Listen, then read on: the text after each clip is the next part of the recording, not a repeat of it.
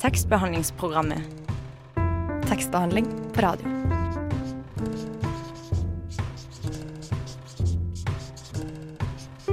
Tekstbehandlingsprogrammet.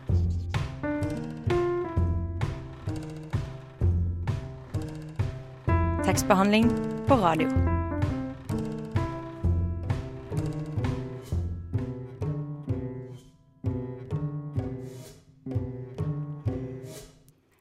Og velkommen til en time med litteratur her i tekstbehandlingsprogrammet på Radio Nova. Radio Novas beste og eneste litteraturmagasin som vi bruker å smykke oss med. I studio i dag så har jeg med meg Torolf. Skjolahapp. Har du gjort noen uh, nye litterære oppdagelser siden sist, eh, Torolf? Ja, det har jeg. Eh, kanskje ikke høylitterære, men jeg leste tegneserien eh, om Munchs liv eh, for ikke så lenge siden, og det er rett og slett bare en illustrert utgave av sånn han levde. uh, skrevet av, og tegnet av Steffen Kverneland. Den er kjempefin, så den vil jeg anbefale alle.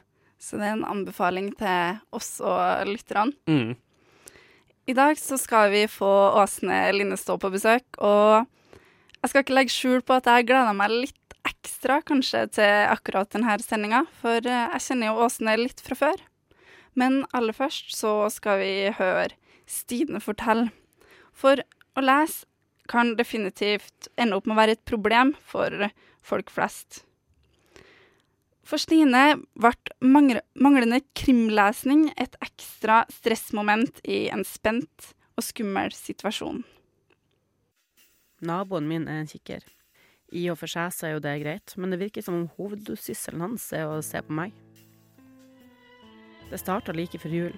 Jeg så at han så at jeg så at han så på meg, mens jeg rydda rommet mitt i kimono. Jeg er ikke alltid så sjarmerende, men i kimono så er sjarmen ufrivillig skrudd på for alle. Jeg kunne jo ta det sjølkritikk, men kimono er kimono, så da var det liksom gjort. Han ser på at jeg ser på Masterchef Australia i stua. Han ser på at jeg leser, setter inn imponerende tittel her, på senga. Noen ganger holder han mobilen i handa. Noen ganger blir jeg oppriktig bekymra for at han kan komme til å drepe meg. Det er liksom noe med blikket han gir. Hovedproblemet mitt nå er derfor at jeg ikke leser krim, og dermed ikke har noen anelse om hvordan dette kan komme til å ende. Likevel prøver jeg å finne et sannsynlig scenario. I H.C. Andersens 'Snødronninga' er Gerda og Kai naboer. Vinduene deres er riktignok noe nærmere enn det naboen som mitt er, men ladgård. De sitter i hvert sitt vindu og blir til slutt venner. Og når Kai får splintra av djevelens trollspill i øye og hjerte, ikke spør, ender det hele med litt uvennskap før han blir kidnappa av Snødronninga. Resten av historien handler om at Gerda forsøker å befri han.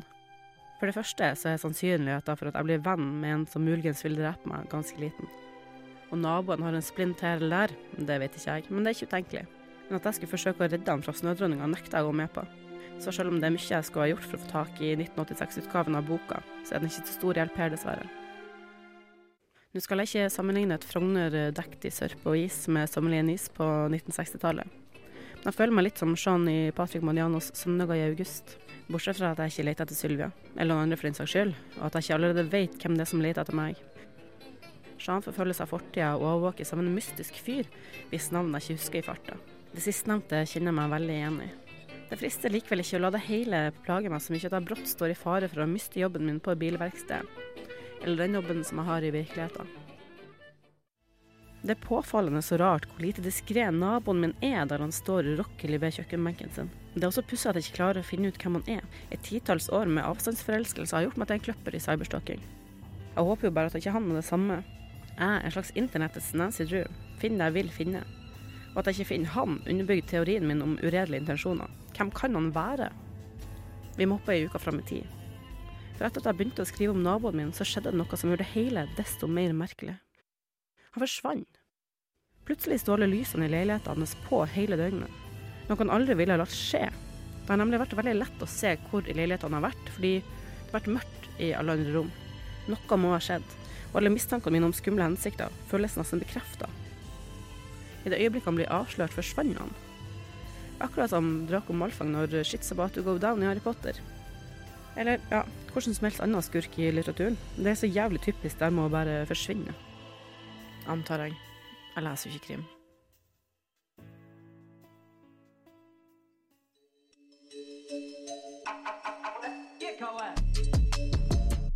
You have bewitched me, and soul, and I love love. I love. Tekstbehandlingsprogrammet på Radio Nova. Du hørte bandet GKR med Nei takk. Du hører fremdeles på tekstbehandlingsprogrammet. Og hvis det er noe vi kan lære av Stine sitt møte med en mystisk og skremmende nabo, så er det kanskje å lese mer krim. Fordi det kan redde liv. Nå i studio har vi fått besøk av Åsne Linnestad. Velkommen. Tusen takk. Leste du noe særlig krim? Uh, jeg leste ganske mye krim da jeg satt i Det litterære råd uh, for uh, snart to år siden nå, vel. Da leste jeg en god del krim. men det er ikke min foretrukne sjanger når jeg skal velge litteratur. Nei, men vi kjenner jo hverandre litt fra før, Åsne, som jeg sa innledningsvis. Det stemmer. Jeg har jo hatt deg som student på Westerdals når vi har hatt skriveuker der. Det er veldig koselig, men jeg kjenner jeg er litt sånn litt mer nervøs fordi jeg føler at jeg skal prestere noe foran en lærer, kanskje. Nei, men du kjenner meg såpass godt at uh, det her skal vi fikse. Ja, jeg gjør det. Jeg gleder meg. Det er jeg som skal underordne meg deg, vet du. Ikke sant? Eller dere. for nå er vi her for å snakke om den nye diktsamlinga di, Hu. Den uh, blir omtalt som en diktsyklus, sånn at diktene har en viss sammenheng. Kanskje, er det noe handling, er det noe handling i den, i boka? Handling og handling Det kan kanskje Ja, på et vis. Det er jo eh, en diktsamling som kretser inn en jenteskikkelse. Som har fått eh, Som, som har et eh, Som er en er ei hu. Som gjennomstrømmer diktene. De tre bolkene da, i, i diktsyklusen. Og eh, handling Man kan kanskje like mye snakke om en bevegelse mellom ulike punkter. Mellom ja, voldsomme nedturer på mange måter og oppadstigende energi som eh, gagner jenta, for å si det sånn. Eh, men det er jo det er jo handling i den forstand at noe skjer.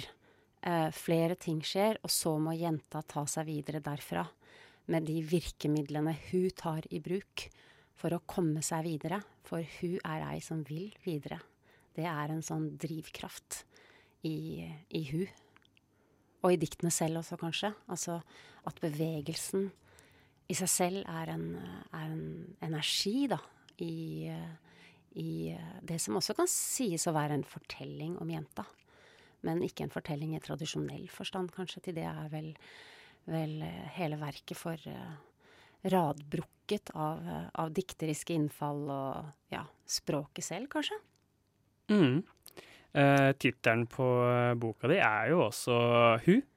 Eh, kan du kanskje sånn, si noe mer om hvem, hvem er hun? Nå har du jo sagt en del, men liksom, hvem er personen hun? Eller det er kanskje litt vanskelig å stadfeste, men uh. altså, Hun står jo for mye. Det er jo det er jo eh, dialektbasert. Da jeg vokste opp på Rjukan, så sa jeg hun, jeg sa ikke hun. Eh, hu har også med hukommelse å gjøre. Eh, det har med, eh, med språk, hvordan vi bruker språket. Eh, mormoren min sa når det var noe hun, hun syntes var eh, ille, så sa hun hu-hu. Det var ikke bra.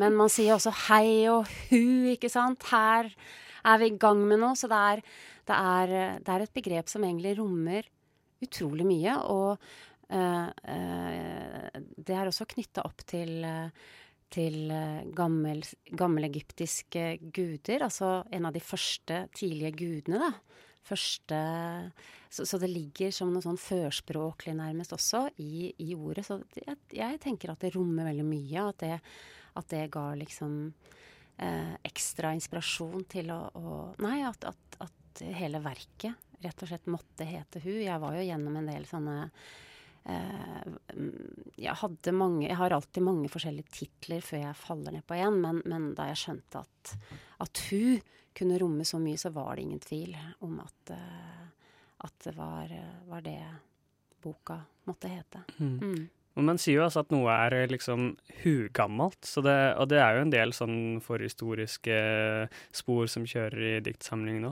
Ja, og, og, det passer også for så vidt, for jeg tenker jo at, at for meg så kom jeg inn i en slags uh, tidløs tilstand også, mens jeg skrev diktene. Mm. Uh, og samtidig som jeg også går uh, At jeg var ikke veldig bevisst på det, men, men det var også gamle verk som, som steg fram og opp i meg mens jeg skrev. Jeg har, har jo lest 'Haugtussa' mm. av, av Garborg. jeg er utrolig glad i Draumkvedet som også anmeldere har trukket fram når de har skrevet om, uh, om hun. Uh, men det, jo, det har jo gitt en ekstra resonansbunn da, til, uh, til arbeidet med mm. diktene. Selv om det ikke var sånn at, at, jeg tenkte mens jeg skrev at nå skal jeg, nå skal jeg gå i en veldig tydelig dialog med, med tidligere lesninger, liksom. Mm. Det, det, er ikke, det, er ikke, helt der det skjedde. Vi ba deg om å velge noen sanger før du kom hit. En av dem var der Bisse med Tour, to, tour, the, the Smackdown. Er du hypp på å lese en bok, eller? Du hørte Bisse med Tour the Smackdown. Det er en låt som eh, du valgte for oss, Åsne. Hvorfor valgte du den? Altså, jeg oppdaget uh, Bisse bare for noen dager siden. Uh, av Det var Bård Torgersen, som er min gode kollega og forfatter, ikke minst. Uh, han introduserte meg for Bisse, og jeg bare falt fullstendig pladask for alt. altså låta, teksten Jeg har sett det som ligger ute på YouTube det er eh, Det gjør så inntrykk på meg, og, og det er både så rørende og så smart og inntrengende. Det, er, det, har liksom så mye, og det er forførerisk uten å være glatt. Og, og det er en sånn mild protest i det. Eh, noe opprørsk, uten at det er hardtslående. Så det er en, det er en slags eh, Nei, jeg, jeg, ble bare helt sugd inn i, i, i hele låta. Og, og, og, plutselig så kjente jeg at uh, når jeg hørte den, så fikk jeg lyst til å bare liksom være 20 igjen. 19. Det har jeg ikke egentlig hatt lyst på på lenge. Eh, men den vekket noen veldig bra mm, følelser i meg, rett og slett. Så, mm. så jeg, nå er jeg nå er jeg hekta. Mens vi hørte på låta, så snakka du også om at uh, det var et slags sånn driv i musikken og han som du kunne kjenne igjen i hun i diktsamlinga di. Ja, men det å, å få lov å være den man må være i verden, og ikke bli møtt med med hån eller forakt, men, men, at man skal kunne bli tatt imot med en slags uh, sånn verdighet. Da, og at det er, det er, en plass til alle. Jeg syns det er et utrolig viktig budskap. Jeg finner ingenting banalt ved det i det hele tatt. Det er sant. Og, mm. og måten Bisse uh, gjør dette her på, tror jeg kan ha, har noe sånn inntrengende ved seg, som jeg tror han kan gjøre folk uh, han kan åpne noe i de som hører låta. Og det, det, det syns jeg er fantastisk eh, prestasjon, rett og slett. Mm. Så jeg blir helt eh, Jeg er ærbødig. Ja. Tusen takk. Da har jeg også veldig lyst til å høre deg lese litt fra, fra boka. Ja, kanskje jeg bare skal begynne med, med begynnelsen. Ja, veldig mm. gjerne. Opphav. Moltemyra bugna kvad og ei mormor som prisa moltene uten å plukke dem. August blir aldri som før i tida, jo meg mormora. Og de gylneste fargene vansirer du ikke, men det som finnes, hviska mormora, er skoger fulle av svarte bær, runde som pukkelen på brente kameler. Og hun falt sammen på alle tuer, snakka mormora sånn, utafor alle, utafor alt. Og sprang hun hjem var det fullt hus og ingen der. Og blåtoner skalv i gresset, og blått reiste seg i grønnskjæret overalt. Tusen takk, det er veldig fint. Takk. Eh, det er jo Altså, jeg føler at et tema i boka di kanskje er eh, liv og død, og liksom dette med virkelighet og drøm.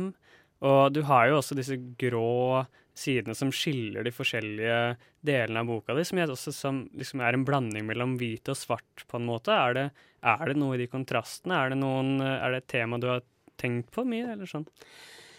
Um, jeg tenker at gjennom hun og møtet med hun, så møter man både det som kan være kraftfullt, som kan være en slags resonansbunn i et menneske, som har noe kanskje vitalt og trygt ved seg, selv om det også kan være noe sånn som mormorskikkelsen, da. Så, mm. hva, hun, hva, hva, hva, mormora representerer for hun, er både kraft, men også kanskje noe uforutsigbart som siver ut av de voksne, av de som på en måte står for å være opphavet, men som allikevel gir en slags styrke eller en ja, power, liksom. Eh, og, og at mormora også er jo en en, en, en, eh, et, eh, en kvinne som, som, tar sin plass her i verden. Håper jeg kanskje, i hvert fall, er noe leseren kan tenke seg når de møter de få diktene som er om mormorskikkelsen da, som opphav.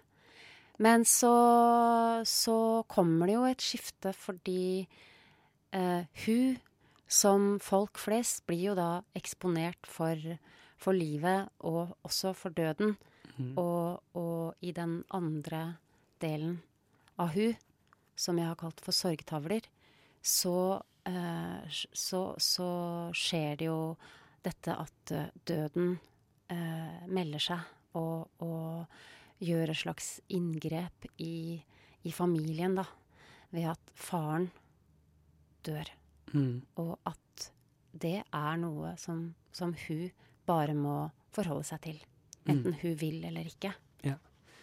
Uh, du har valgt uh, neste sang, som er uh, 'Spin Me Round' av Roxy Music. Kan du fortelle litt om den sangen? Da jeg, jeg vokste opp på, på, på Rjukan og var veldig i ABBA-land på mange måter. og så leste jeg om Roxy Music i en musikkanmeldelse som jeg tror sto i Det Nye eller noe. Uh, og jeg bare kjente helt instinktivt at jeg måtte uh, høre hva, hva, dette var for noe. Og en venninne av moren min uh, var i London. Jeg fikk henne til å kjøpe Manifesto, plata som, som denne låta er på. Og det gjorde en forskjell da jeg, hun kom tilbake fra London og jeg fikk høre Brian Ferry og Roxy Music.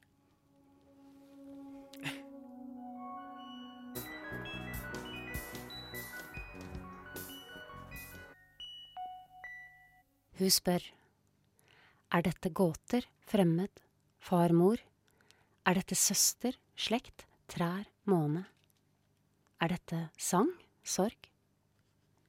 Hun, mormora, er dette stjerne, vei, dikt, død? Er dette orm, trangt, hvitt, hvitt? Er dette hun, jeg, dette, dette? Tusen takk. Eh, kan du fortelle litt om eh, det du leste nå? Det var fra starten? Det er fra den andre delen av, uh, AHU, som, mm. jeg kalt, uh, som, jeg har kalt, for sorgtavler. Og nå er vi uh, inne i et mer sånn alvorstemt terreng i og rundt jentungen. hun må begynne å orientere seg på nye måter fordi døden eh, begynner å, å, krype nærmere, og hun skjønner at noe kanskje kommer til å skje med faren. Eh, så hun begynner å stille store spørsmål, og ut, kanskje uten å engang håpe på at det kommer til å komme noen svar. Det veit jeg ikke selv engang, egentlig. Mm -hmm. uh, I tillegg til sånne store spørsmål, så la jeg merke til at du har veldig mange naturskildringer i diktene dine. Hva han, hva har naturen å si for poesien? Um, jeg tror, og det har jeg sagt i noen andre intervjuer, at, at, jeg på mange måter kanskje er en landskapsmaler. At, eh, at jeg har uh, latt landskap og natur spille en stor rolle her. At landskapet og naturen kanskje kan bære uh, noe av det jeg ikke har lyst til at menneskene skal bære. Og at uh, det psykologiske, indre spillet også kan utspille seg i det som omgir jenta. Eh, Og jeg er jo helt overbevist om at uh, våre, de fysiske landskapene vi vokser opp i og, og er omgitt av, preger oss i veldig sterk grad. Uh, sånn at det er flere, flere anledninger jeg først i, får igangsatt en tekst hvis jeg setter karakterene ut i et stort fysisk rom. Da kan jeg kjenne at, uh, at ting begynner å leve, da. At språket blir mer levende for meg. At det er, det er en slags frigjørende kraft i å og, og, ikke minst var det det når jeg begynte å skrive om hun. Og, ikke eh, gjøre eh, beretningen da, om hun og menneskene i og rundt hun eh, sette det inn i et veldig sånn psykologisk kammerspill med kjøkken og stue og, og, og barnerom og osv. Men, men at, det, at det er mye som skjer ute i landskapet rundt eh, denne jenta. Mm. Og eh, man kan jo se det på formen på en måte òg, fordi det er en veldig sånn frodig og naturlig uh, skiftende form på diktene og sånn. Er det er det noe du har sånn, tenkt ekstra mye på når du har uh, skrevet diktene? Form og utforming av dem og sånn? Nei. Uh, ikke i det hele tatt, fordi dette er dikt som har kommet uh, i det jeg kan kalle poetiske raptuser. Mm. de Veldig ofte så, så, er det sånn at noe av det beste jeg skriver, det kommer veldig fort. Det er som eksplosjoner. Det er, som, eh, det er et sånn begrep som heter fulgurasjon. Altså åndelige lynnedslag, nærmest. Altså at, eh, at, man plutselig er i en situasjon hvor man makter å, å, å, å skrive, og hvor språket samler seg. Eh, og, og, og, hvis man da er, er til stede og, har instrumentet sitt, altså PC-en der eller en, en skissebok, og klarer å, møte det enorme presset da, og, og trøkket, så, så, så, kan man også unnfange et dikt, da. Eh, og få det ut. Og, og, jeg skrev grunnstammen i hu for noen år siden, eh, men tok det fram igjen i fjor. Eh, eh omtrent på denne tida vi befinner oss i nå. Um, men, så dette er dikt som har kommet veldig fort, i en rasende fart. Og da sitter ikke jeg og tenker at å ja, nå skal jeg være, nå skal jeg være formutforskende, nå skal jeg virkelig slå til her med noen saftige metaforer. Og det er noe som skjer. Og, og det er jo noe jeg er veldig opptatt av når jeg underviser i skrivekunst også. Altså at, at man skal stole på det som skjer i skriveøyeblikket. Og at veldig mye eh, finner sted mens du skriver. Mm. Ikke i forkant og etterkant. Mm. Eh, der skriveøyeblikket er utrolig sentralt. Det å være åpen da for at nå, nå er jeg der. Og, og da bare gi full gass, liksom. Det passer jo veldig godt med hun som du beskriver også, da, som har den drivkrafta framover, på et vis. Ja, eh, det er det, det, ja, det passer egentlig veldig godt. Jeg er helt enig. Eh, Uh, ja, den, den villskapen som jeg noen ganger kjenner at jeg kan komme i kontakt med når jeg skriver. Det er ikke noe romantikk i det. Det er bare sånn jeg har det innimellom, da. I gode skriveøyeblikk. At, uh, at det er noe som Det er som noen utenfor meg noen ganger også bare kommer og, og, og presser seg ut, liksom, i hendene. Og så må jeg bare få det ned.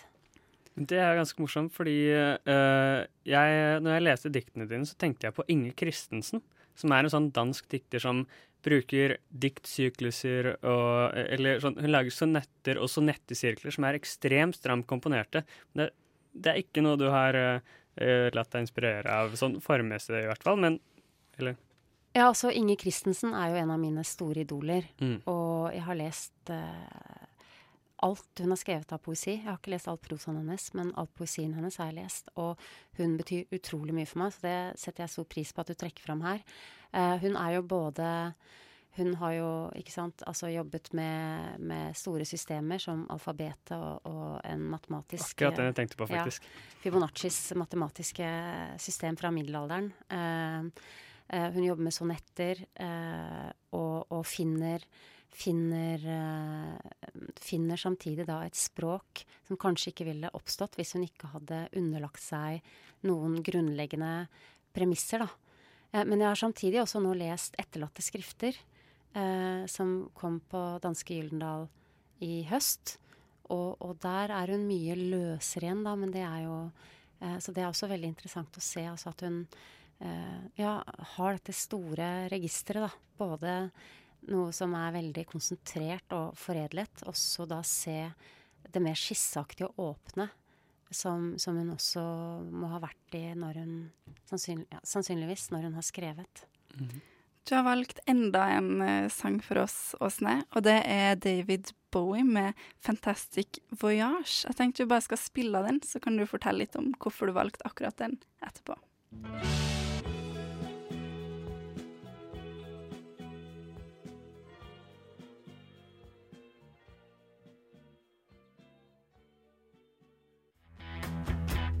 Hallo, mitt navn er Knut Nærum, og du hører på tekstbehandlingsprogrammet.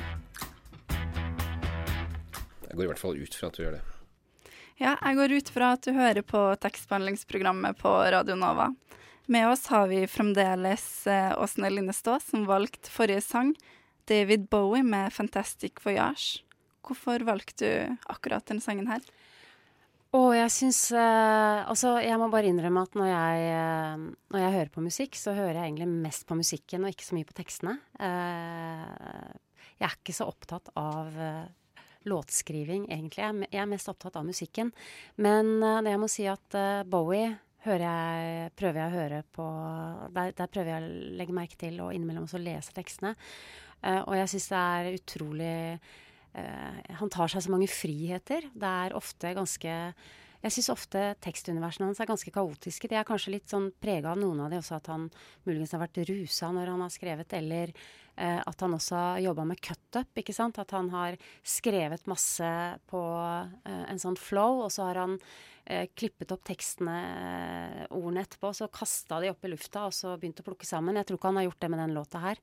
Men eh, jeg syns det er en fantastisk melodi og en veldig kompleks og eh, skjerpende tekst som, som, sier utrolig mye på en gang. Så jeg blir, jeg blir, jeg blir aldri lei av, av, av den låta. Jeg blir heller aldri lei av Bowie. Aldri. Det kan vi være enige om. Eh, du har jo fått veldig mange fine anmeldelser eh, for den diktsamlinga her. Blant annet en veldig fin i Klassekampen Dag og Tid. Og Morgenbladet skrev at eh, draumkvedet går som en vevet tråd gjennom boka. Hvordan har draumkvedet inspirert deg? Uh, jeg, det hender jeg kveler litt. Jeg har hørt mye på Drankvedet. Uh, både framført av uh, Agnes Bund Garnås og, og Sondre Bratland. Jeg, jeg, har brukt det selv tidligere i arbeidet hvor jeg har gått og sunget meg gjennom det. Eh, på, på, poesifestivaler. Så det sitter nærmest i kroppen, eh, kroppen min. Jeg syns det er en av de vakreste melodilinjene jeg vet om. Det er jo en ballade. Jeg syns den, eh, den, den, har noe sånn hypnotisk ved seg.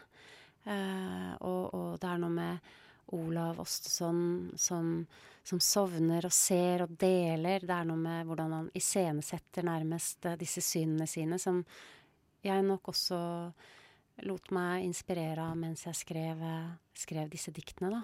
Så, så, sånn har det bare blitt. Og der, derfor så var det naturlig at jeg tok med noen strofer fra Draumkvedet også i, i Hu. Mm.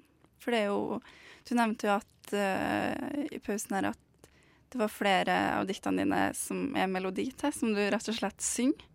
Ja, det er det. Så tenk kanskje hvis vi får hørt litt av det, så hadde det vært kjempefint. Det er bare noen strofer, men uh, det kan vi gjøre. Oppløpen, hu, med så skinnende møkk under negla, så skrapklare vilje født til å flå. Og månen den skine og skine og skine, og vegine felles so vie. Hun griner der oppe på vidda og hikster, men legger ut ord som han aldri kan nå. Og månen den skine, og veiene, veiene, veiene falle så vie, så vie. Det er drøyt, det er fritt, det er nytt, det er jenta si. Tusen takk. Du har veldig fin sangstemme. Det var nydelig, Åsne. Mm, det var veldig, veldig pent. Du har jo også, i tillegg til, i tillegg til å gi ut romandiktsamlinger, så nevnte du også at du har en del skrivekurs. Og det er jo sånn jeg kjenner deg. Um, hvorfor, hvorfor, tar du på deg sånne oppdrag? Ja, det er jo en blanding av uh, at jeg må tjene penger, uh, og at det er en utrolig fin måte å tjene til livsoppholdet på, da. Og, og være ute blant studenter og få unge folk til å komme inn i litteraturen, inn i språket Uh, se det potensialet som er hos den enkelte. Uh, forsøke å, å, fremkalle størst mulig kjærlighet til det å skrive, fordi for meg er skriving en så viktig del av livet. Det er Jeg kan ikke tenke meg et liv uten å skrive. Og, og, og prøve å dele den utrolige lidenskapen jeg har for det. Og, og forsøke etter beste evne å forløse det språket som jeg tenker at alle bærer i seg. Jeg tenker jo at alle på et eller annet nivå kan skrive en skjønnlitterær tekst, og så er det selvfølgelig noen som er bedre enn andre, men, men, men det, er, det, er, en veldig viktig drivkraft eh, for meg. Uh, jeg, og jeg ser jo at, at, når folk, mennesker kommer inn i språket og får kontakt med kanskje det, det jeg ofte kaller det andre språket, da, eh, så er det egentlig så mye som skjer på en gang.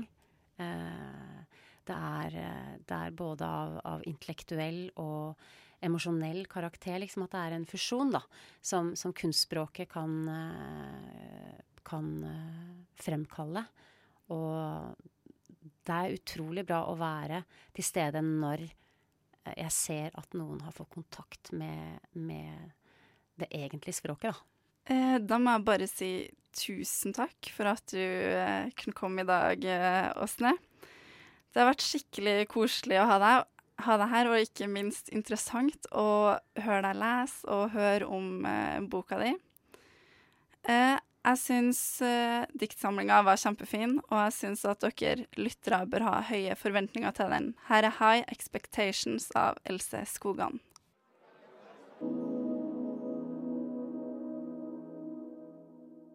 Det var Else Skogan med 'High Expectations'. Ja, og så skal vi da fra det lyspunktet i hverdagen som det var å snakke med Åsne Linnestad, Absolutt. som kjempekoselig, så skal vi da til eh, mørketida i Kautokeino. Og uh, jeg har skrevet en anmeldelse av Sigbjørn Skådens roman uh, 'Våke over dem som sover', som kom ut i 2014. Uh, og så kan vi vel egentlig bare høre den. Se for deg at det er første skoledag. Du har fått ny skolesekk, pennal og den buksa som moren din kjøpte til deg i høst, kan du etter i dag få lov til å bruke når som helst. Du er spent mens du står og venter på at frøken skal komme ut på trappen og ønske dere velkommen. Og alle klassekameratene dine står og tripper, holder sine mødre i hånden og gleder seg like mye som deg til nettopp dette. Å starte på skolen, vokse opp og følge sine foreldres fotspor. Men det er også noe som ikke passer helt. Da du spiste frokost med foreldrene dine, sa faren din til deg at du ikke skulle glemme hvem du var, at du ikke skulle glemme å snakke norsk. Og når frøken kommer ut på trappen, bretter hun ut armene og åpner munnen, men det som kommer ut, er ikke til å forstå. Hun snakker ut i forsamlingen på et språk ingen forstår. Og du kan merke hånden til moren din stramme seg rundt hånden din. Når du skal inn i klasserommet og møte dine fremtidige klassekamerater, fortsetter frøken å snakke slik, og det viser seg at du skal lære hennes språk. Og hvis du snakker ditt eget språk i klasserommet, eller blir fanget i å snakke norsk i friminuttet, får du spanskrøret over fingrene og et bebreidende blikk. Se nå for deg at du har vokst opp og skal sende dine egne barn på samme skole, og dine barn skal gjøre akkurat det samme med sine barn, og den kulturen du har og er en del av, blir i samfunnet sett på som noe sekundært, skamfullt. Generasjon etter generasjon blir påført denne skammen av majoritetssamfunnet. Se for deg hva det hadde gjort med et folk i lengden. Maktstrukturer og skam er nettopp viktige temaer i Sigbjørn Skådens roman 'Våke over dem som sover'. Vi følger sønnen som kjører inn i Kautokeino, en by ristet av Kautokeino-saken, hvor 16 menn ble dømt for å ha seksuelt utnyttet åtte mindreårige jenter. Sønn, eller Amund Andersen, som han egentlig heter, drar til Kautokeino for å jobbe med et kunstprosjekt. Og ettersom han beveger seg gjennom byen, blir det klart at samfunnet ikke har gjort et ordentlig oppgjør med sin mørke fortid. Samtidig følger vi tidligere generasjoner i slekten hans. Vi møter oldeforeldrene hans, som var blant de første som måtte sende barna sine på skoler hvor de ikke fikk snakke samisk.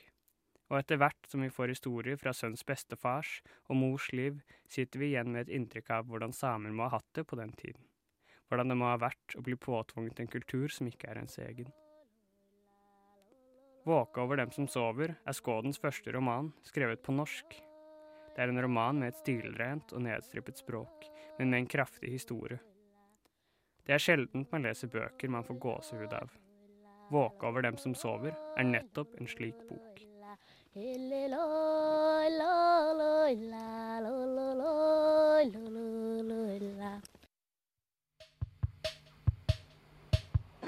Der hørte du norske rytmer med Bli med til Syden. Men før det så hørte vi om mørketida i Torolf sin anmeldelse av 'Våke over dem som sover'. Det begynner å nærme seg slutten i uh, det her programmet. Ja, dessverre. Men uh, da er det bare å følge oss på uh, Facebook og Instagram for uh, mer moro. Ja, vi er både på Facebook og Instagram, og nå er endelig podkastappen opp igjen, så du kan også høre oss der. Hvis ikke så er vi tilbake på samme tid neste uke. I studio i dag var meg, Ingrid. Uh, meg, Torolf. Og tekniker. Håvard.